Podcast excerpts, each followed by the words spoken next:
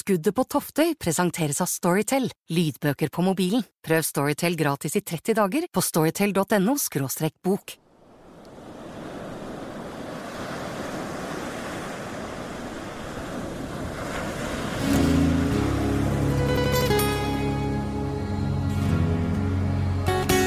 Den 2. juli 2013. Fra en bukt på Tjøme er båten Toftøy på vei innover Oslofjorden. Om bord er fire personer og en hund. Under dekk ligger narkotika, dynamitt og en avsagd hagle. Det skal bli Toftøys siste tur. Så får vi at det kommer til å bli ja, en virkelig hyggelig tur. Men da tok jeg jo skammelig feil, da, for å si det sånn. Vi skulle jo bare over en liten fjord allikevel. Hørtes ikke så veldig farlig ut akkurat. Ja, bom! Du har skutt kameraten min, jævel. Der ligger han helt grå i trynet. og Ingenting igjen av foten hans, det bare beina hans står ut av alle kantene og Det eneste han kviskrer, det er Au! Det var det siste jeg husker. Jeg seila frem og tilbake fordi det var dårlig sjø. I mitt blod. Jeg må jo få lov å si at dette er en veldig, veldig spesiell sak. Det kan minne meg litt om den der spillefilmen eh, 'Slipp Jimmy fri', for å være helt ærlig.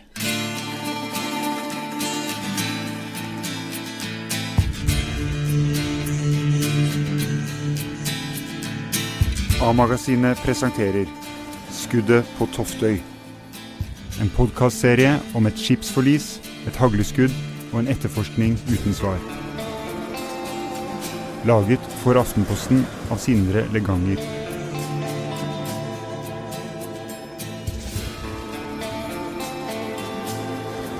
Første episode Forliset.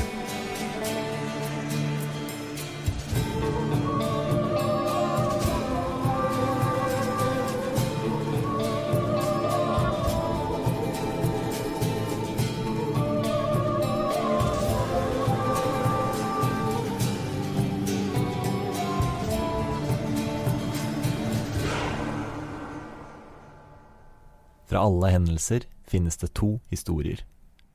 Det som skjedde, og det folk forteller at skjedde. Når det er mistanke om noe kriminelt, blir oppgaven til politiet å finne ut hva som stemmer, og hva som ikke stemmer. Hvis det ikke finnes bevis, må de basere seg på det vitnene forteller. Hendelsen der en mann blir skutt om bord på lastebåten Toftøy, er en sånn sak. I løpet av denne serien skal vi få høre de fire involverte sine forklaringer om hva som skjedde om bord på Toftøy. For det meste stemmer de overens med hverandre, men på noen viktige punkter skiller de seg. Det har ikke vært mulig for politiet å løse saken, og den er fortsatt uoppklart. Det er viktig å huske på når vi hører de involverte fortelle historiene sine. En eller flere av dem kan enten huske feil eller lyve.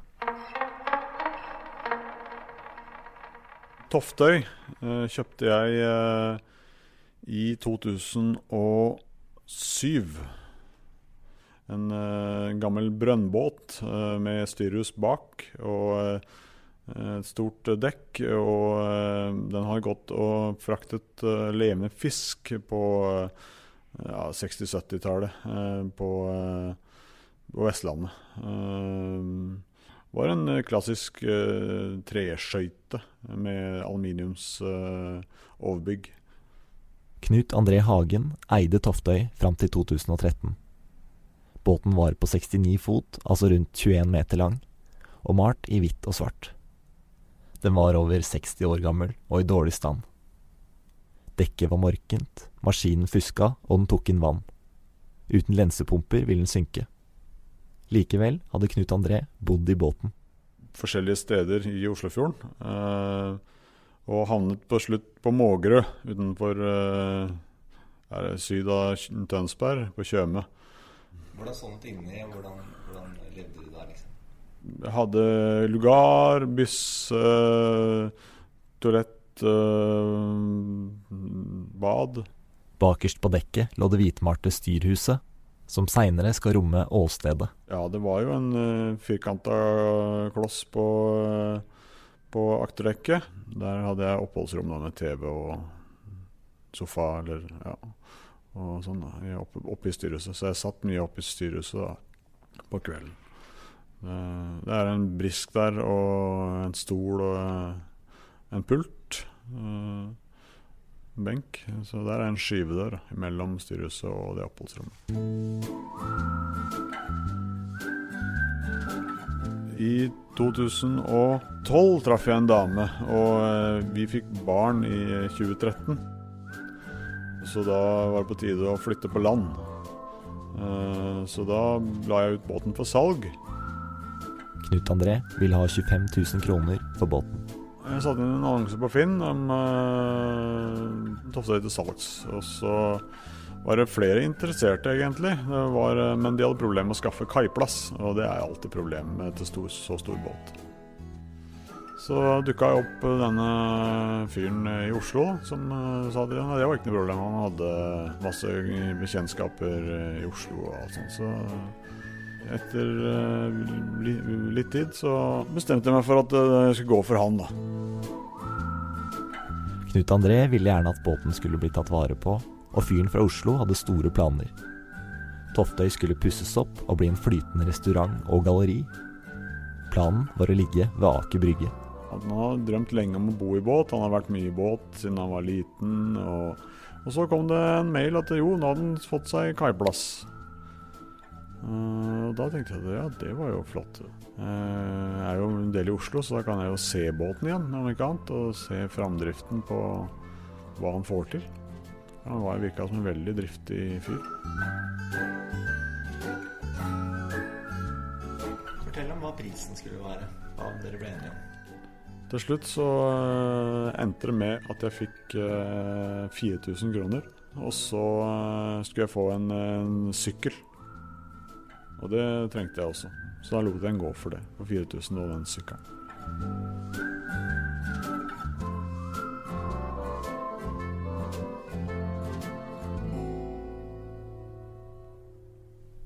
De avtalte at den 2. juli 2013 skulle mannen komme nedover til Mågerø og overta Toftøy. Eh, Så du må ha med mannskap, for det er ikke noe mannskap her. Nei, han skulle skaffe seg mannskap. Da Jeg lurte på om jeg kunne hente de i Tønsberg da, på, eh, på toget. Og så er det, det høres jo fornuftig ut. Så da reiste jeg inn på toget og henta de. 2. juli 2013. Morgentoget ankommer Tønsberg, enten rundt klokka åtte eller klokka ni. Det er klart og fint sommervær, rundt 14 grader, men værmeldinga sier at utpå ettermiddagen blir det vind. Uh, nei, nei, altså jeg, fikk telefon da, at de var på toget. Altså jeg satte meg i bilen og, og dro inn eh, til, uh, til sentralstasjonen i Tønsberg og togstasjonen og henta de. Og da hadde jo ikke jeg helt skjønt at det, det, var, det var tre karer, men altså, så dukka det opp en dame også. Det hadde ikke jeg fått med meg. Og så i tillegg så var det en hund. Så det ble jo veldig trangt i bilen etter hvert, da, med sykkel og fem personer. Og bagasje som de hadde med seg. Det var ikke så mye bagasje, det var tre små bager egentlig, tror jeg. Hvordan ser de folka her ut? Nei, jeg ser jo fort at dette her var jo ikke helt uh, toppsjiktet, eh, holdt jeg på å si. Altså, hvordan skal jeg si det? Altså, eh, de så litt slitne ut, eh, om jeg kan bruke det ordet. Så jeg måtte jo begynne å intervjue det litt, da. Om det var noen kvalifikasjoner til å håndtere båten med her. Han ene hadde vært på fiskebåt eh, eh, tidligere. Og da begynte jeg Han, han hadde styrmannspapir, visstnok. Sånn, så da tenkte jeg da går det jo fint. Jeg er jo vant til mye for rare folk. Jeg har jo seilt ute i mange år. Så jeg tenkte er, det er vel seilebomser. Det er mye forskjellige folk som seiler. Så, så jeg tenkte egentlig mer over det. Det lukta ikke alkohol eller noen ting, så da tenkte jeg da, da er det jo greit. Før de drar til Toftøy, kjører de innom butikken og kjøper forsyninger. Eh, Hun dama tror jeg kjøpte to sider eller noe sånt. Eh, og de karene kjøpte seg vel eh, et par pils. Det var ikke noe mer enn det. Jeg, var, jeg tror det var min, min forslag. At det, så kan dere ta et par pils i kveld. Dere får lagt til der oppe. Ja, det syns de var en god idé, da. Da kjører vi ned til Mågerø. Og Lasta om bord bager og gikk gjennom båten. Mågerøy marina ligger i en rolig bukt på Tjøme, langs den gamle skipsleden vestover. Sommeren 2013 er bukta full av fritidsbåter. Men fortøyd til den ytterste brygga, i le bak en seilbåt, ligger en svart og hvit lastebåt.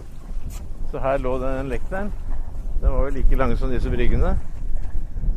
Og så her på utsiden lå Toftøy. Arnulf Losja eier marinaen på Mågerø. Han ser Knut André og de fire andre laste bagasje om bord i båten. Men når det kommer fire personer med noen små bager, så mistenker man jo ikke at de har eh, avsagde rifler med seg. Først så ser jeg disse som kommer om bord med denne store hunden. Jeg var litt overrasket over denne hunden. Men det var en valp og var i godt humør. Og det var en dame som var eh, Hun forsvant også inn i båten. Men denne hunden var løp inn på dekket der. Det var vel en Om det var rottweiler eller hva det er, vet jeg ikke. Så var det en mann med en, eh, en Egon Nei, ikke Egon, men han andre i den blanden som hadde sånn liten hatt. Olsmannen. Olsenbanden, ja. Han med rutete dress og en liten hatt, ikke sant. Det var eh, noe sånt så det ut.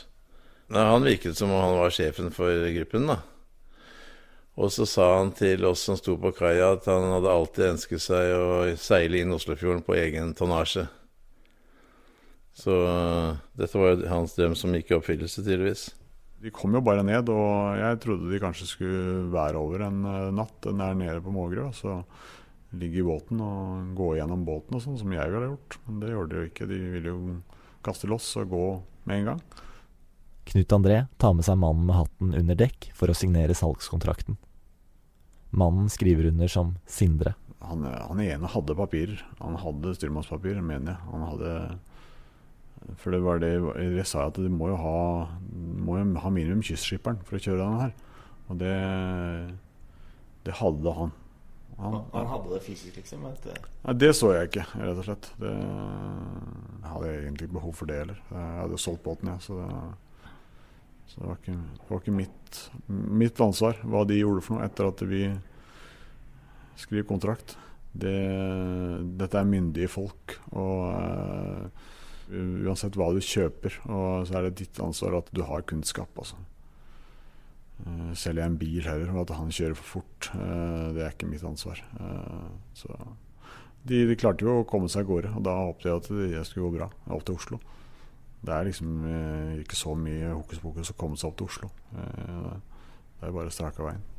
Nei, altså når det begynte å nærme seg avgang, så gikk vi i taubåten og kjørte rundt. Marinaeieren Arnulf Losja skal hjelpe gjengen med å manøvrere Toftøy det første stykket bort fra kaia. Og lå på utsiden og bandt et tau i rekka på han. Eh, som jo viste seg å være vellykket, for da fikk jeg dratt den ut. Så han ikke kjørte med en seilbåt som lå rett foran. Planen er at Arnulf skal følge etter et lite stykke i taubåten sin, mens selgeren Knut André blir med om bord i Toftøy for å vise dem maskinen. Ja, Så går vi av gårde oppover, og så ser jeg at det går fint. Jeg er oppe og prater med han og styrer, og så er vi enige om at han, han har kontroll på kurser, og kartene ligger der, og vi har sett på kartet hvor han skal gå og sånn. Så så da spør jeg om han kan sakke ned litt. Så da sakker de ned litt. Grann. Så tar vi shake hands, og så går jeg fra bordet. Øh, hopper over på lettbåten som kommer opp på sida. Så går bare Toftøy av gårde.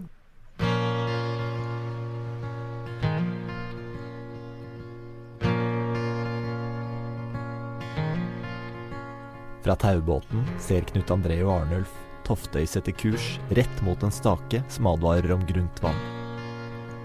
Like før svinger båten hardt, men treffer skjæret. Det var jo bare akkurat som en stor båt som bare glir over som en sånn orm, da, kan man si. Bare gikk over, og så fortsatte han på denne siden. Like fornøyd. Helt utrolig. Vi hadde jo sett for oss at det ville være slutten på den båten, men det var det ikke. Og så um, kjørte de av gårde, og da um, Alt vi har hørt siden, er jo bare uh, våre egne fantasier, hva som har skjedd.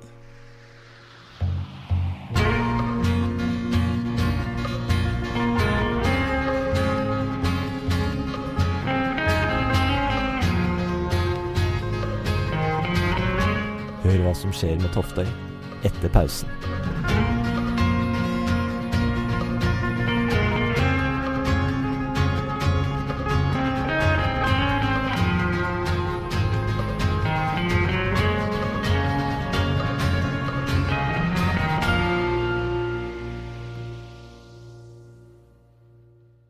Skuddet på Toftøy presenteres av Storytel, lydbøker på mobilen. Prøv Storytel gratis i 30 dager på storytel.no bok.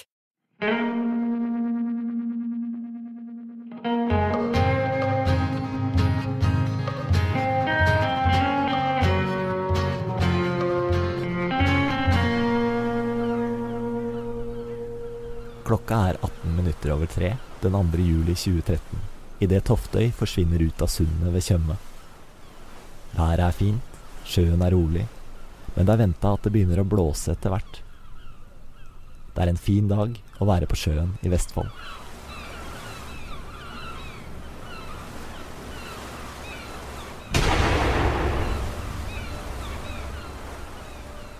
Ja, denne historien starter 2.7.2013.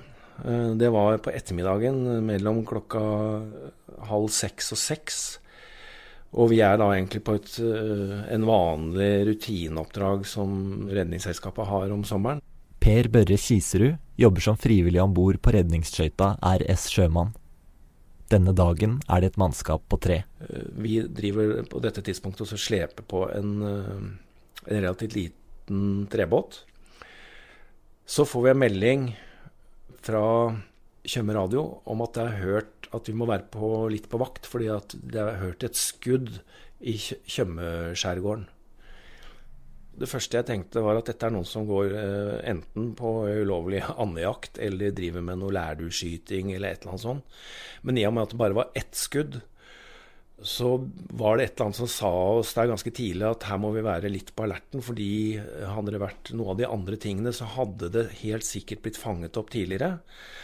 Og, og merket hele mannskapet at vi, vi kom oss litt opp på tærne når den meldingen kom inn. De kjører slepet sitt inn til nærmeste havn og venter på mer informasjon over radioen. Og her har det vært en kommunikasjon mellom uh, politiet og en båt i, som ligger et eller annet sted i Oslofjorden.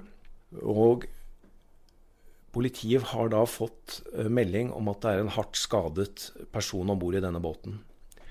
Man ønsker da å finne ut uh, posisjonen til denne båten. Og, men de som er om bord i båten, kan ikke gi noe som helst informasjon hvor de er hen. Ikke noen koordinater, ingen landreferanser, ingenting. Men etter hvert så får vi vite at det eneste de ser, det er en svær, blå båt. Eh, da tenker vi Color Line og setter da kursen rett ut midt i Oslofjorden, hvor den eh, har ruta si. På vei utover sjekker Per Børre og mannskapet kartprogrammet sitt, et såkalt AIS-system, der de kan se bilder av andre båter i nærheten. Og det vi ser på vårt AIS-system, er at det er faktisk en stor, blå båt som er på vei inn leden mot Tønsberg. Da. Og det er ikke mange minuttene før vi passerer den eh, store, blå båten. Så ser vi en båt som stemmer veldig godt med de beskrivelsene, de få beskrivelsene jeg har fått. Og vi finner jo fort ut at det er den båten, for den ligger og driver.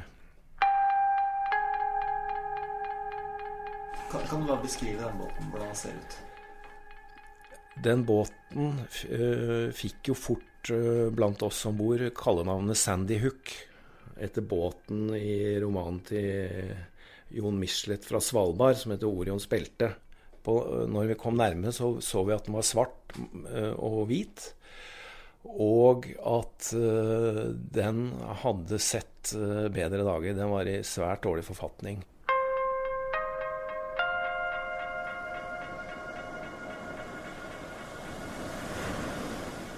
Bakerst på dekket ligger det hvitmalte styrhuset med brua.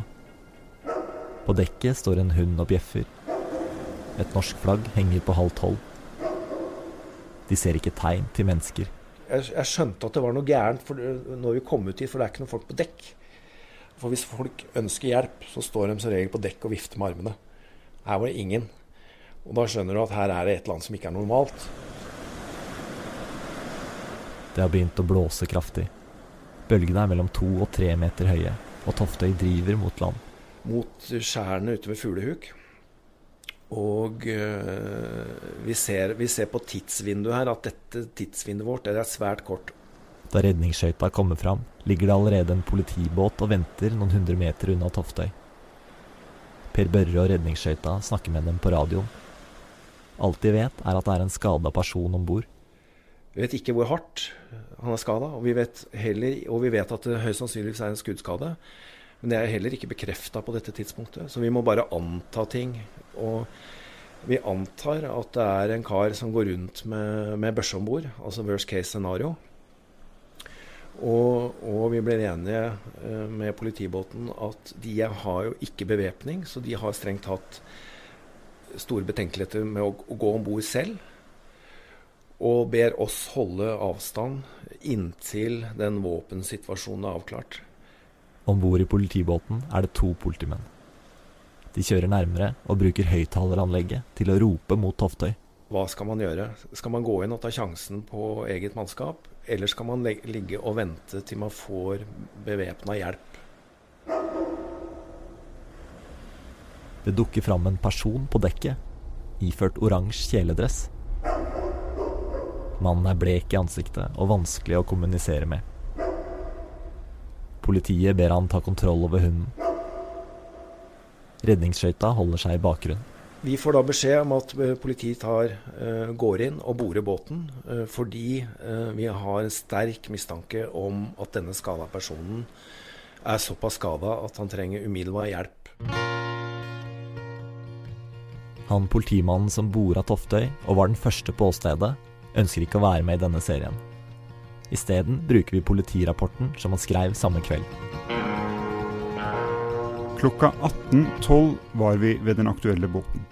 Båten var merket med Toftøy på styrhuset.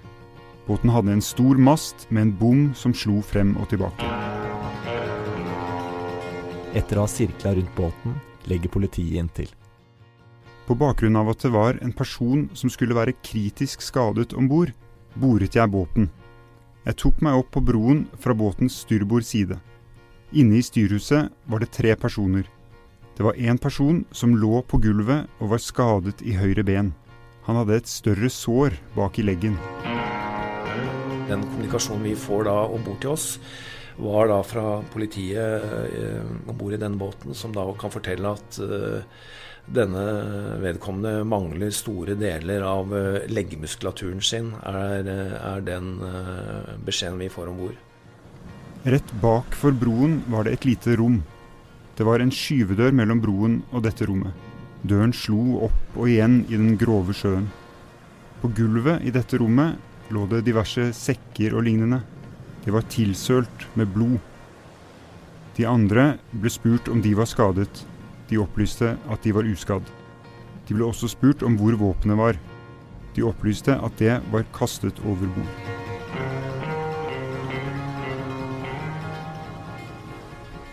Det blåser fortsatt sterk vind. Per Børre i redningsskøyta ser at Toftøy er i ferd med å drive på land. Hvis båten har gått på skjær, så ville vi antageligvis hatt øh, fire stykker i sjøen. Med de komplikasjonene det er, og, og, og med disse folkene som var om bord som ikke hadde vest osv., så, videre, så hadde det vært en uh, svært krevende operasjon på dette tidspunktet så har fremdeles ikke denne skada personen kommet i sikkerhet. Så vi ser at her får vi dårlig tid. Så det vi gjør da, eh, det er at vi gjør klar eh, den, eh, en, en sleper vi har om bord. En kevlarline på 130 meter, som de håper skal tåle vekten av et såpass stort fartøy. Og det vi i tillegg ikke vet på dette tidspunktet, er jo at båten i tillegg er lekk. Sånn at vekten på båten er jo mye større enn det vi kan regne ut av at en 73 fots treskøyte veier.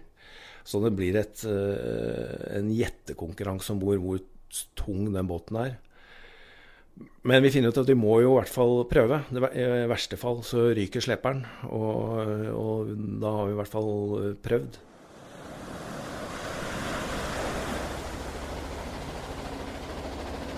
I mellomtiden har politiet tilkalt et Sea King redningshelikopter fra flystasjonen på Rygge. Det er tilfeldigvis allerede på vingene og bare noen minutter seinere henger de i lufta over Toftøy, klare til å fire ned en redningsmann. Fornærmede fremsto som sterkt sløvet. Han var blek, og jeg oppfattet ham som påvirket av opiat eller lignende medikament. På bakgrunn av fornærmedes tilstand og situasjonen på stedet ønsket jeg å prioritere en evakuering med Sea Kingen. Jeg bar fornærmede ut på dekket. Da redningsmannen var om bord, fikk han en kort orientering og vinsjet så fornærmede opp i helikopteret. Under denne operasjonen så har jo vi da begynt å gjøre oss klare for oss å få båten på slep og få den ut av det farvannet vi er i, for vi har, den, den begynner å bli faretruende nærme land. Redningsskøyta RS Sjømann nærmer seg Toftøy. Per Børre står på dekket og har ansvaret for å feste slepet. Fra dekket på redningsskøyta er det flere meter opp til ripa på Toftøy. Vi er jo avhengig av å ha noen om bord som kan ta den imot og feste den, fordi at det er såpass høyt. Og da, mens redningsmannen holder på med den skada personen, så greier politiet også å få en av de gutta om bord til å gå foran på båten og så hjelpe meg med dette her. Mannen i oransje kjeledress kommer gående mot Per Børre. Jeg ser ikke hele personen fordi at jeg har rekka imellom meg og han, så jeg ser bare halve. Og jeg ser at han øh, hadde noen, i den grad man kan kalle tinntallerkenøyne fra gamle eventyrhistorier, så er det, det er kanskje det Vi er noe i nærheten der. Per Børre ber mannen ta imot slepetauet gjennom Hallgaten, som er en åpning i rekka. Og det er helt umulig å få han til å forstå at jeg vil ha fortøyningen gjennom halvgatten og, og inn på sikker fortøyning på dekk. Så jeg må bare legge fortøyningen over rekka, og der er det et kryssholt i tre. Kryssholt er en slags stålpinne som er skrudd fast i dekk, som slepetauet kan knyttes fast i. Per Børre slenger opp tauet og ber mannen feste det. Jeg prøver å forklare han at jeg vil ha den sleperen minst tre ganger rundt dette kryssholtet og tegner det da et åttetall for når han begynner da å legge dette her i åttetall. Og så ser han på meg og nikker med store tinntallerkener, kikker ned på meg på dekk, og jeg står to, to, meter under han. Og han nikker, og han forstår alt dette her, og begynner å legge samme åttetallsbevegelsen som meg. Og så har han lagt den en og en halv, kanskje nesten to ganger. Og så sier du må legge den en gang til, fordi det holder ikke med sånn som du har lagt den nå. Toftøy nærmer seg skjæret og Per Børre vil være sikker på at tauet ikke løsner. Og da nikker han på hodet, og så lenger han den motsatte vei. Han tar opp det han har gjort. Så, så det, det, han gjør, det er som å, å, åpne en skolisse. ikke sant? At han bare drar i den ene enden, og så løsner jo bare hele greia. Og så ramler det bare ut i sjøen. Redningsskøyta må trekke seg tilbake for å fiske opp slepetauet. Skjæret er bare noen titalls meter unna nå. Politimannen om bord ser hva som skjer. Han løper bort til rekka og får tatt imot slepetauet. Jeg festet så slepelinen jeg fikk fra RS Sjømann. Slepelinen ble ført gjennom et hull i baugens styrbord side. Vi får hivd sleperen om bord til politimannen, og han fester da det i det han mener er det tryggeste stedet om bord på den båten. Politimannen fester tauet i en vinsj som er skrudd fast i dekket. Og som tidligere nevnt, så var jo denne båten lekk. Og vi vet ikke hvor tung den er. Og med den vinden som da har øket under operasjonen her også, så, så tar vi denne båten opp mot vinden. Og idet uh, vi har stram sleper, så skjønner vi at denne båten er tung, for da revner hele dekket.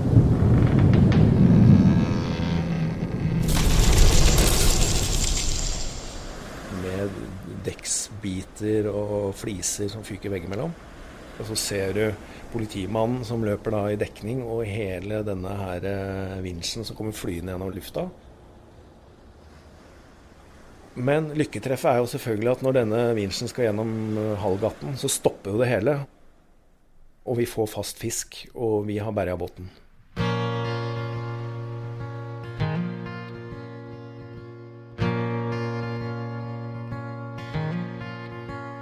RS Sjømann sleper Toftøy ut på trygt vann. Snart kommer det en båt med flere politifolk. Brannvesenet kommer med sin båt, Røde Kors med sin. Et politihelikopter kommer flyvende. De tre personene som er igjen om bord på Toftøy, blir frakta til Tønsberg politistasjon. Alle sammen mistenkt for legemsbeskadigelse med skytevåpen. Mannen som ble skutt, blir flydd til Ullevål. Per Børre Kiserud og RS Sjømann sleper Toftøy til kaia på Jarlsø utafor Tønsberg. Utpå kvelden samles redningsmannskapet og politiet til en debrief. Det, det politiet sa, var at de hadde funnet to bager. Så vidt jeg, og, så vidt jeg husker, så, så var det eh, både narkotika og sprengstoff i de bagene. Hva tenker dere da når dere Nei, vi tenker at er det mulig, liksom? Fordi da lurer man hvor skal denne gjengen? Eller hvor, hvor, hva, hva var planen med denne turen? Er jo det nærmeste som vi kunne spørre oss. hva var planen? Det har jeg, det for så vidt lurt på lenge. Hva pokker skulle de for noe med både båten og hele det prosjektet? Så de må ha tenkt ut noe som ikke jeg har greid å tenke ut.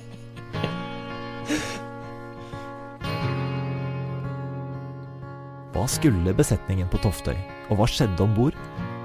I neste episode forteller mannen i oransje kjeledress sin versjon. På den tida så tenkte jeg som en kriminell, da. Sant? Om han hadde sprengt en butikk i fillebiter og henta ditt og datt. Altså, jeg driter vel det.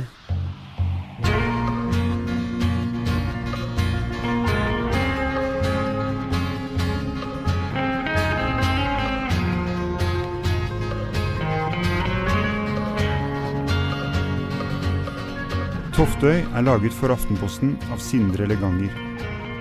Musikk ved Hans Kristen Hyrve.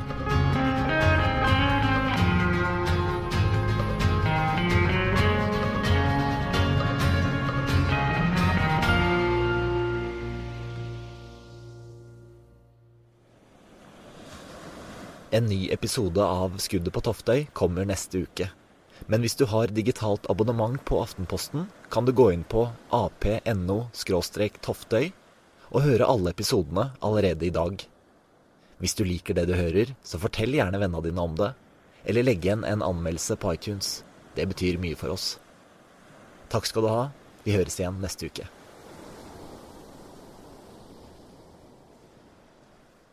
Lytt til flere spennende historier i Storytel.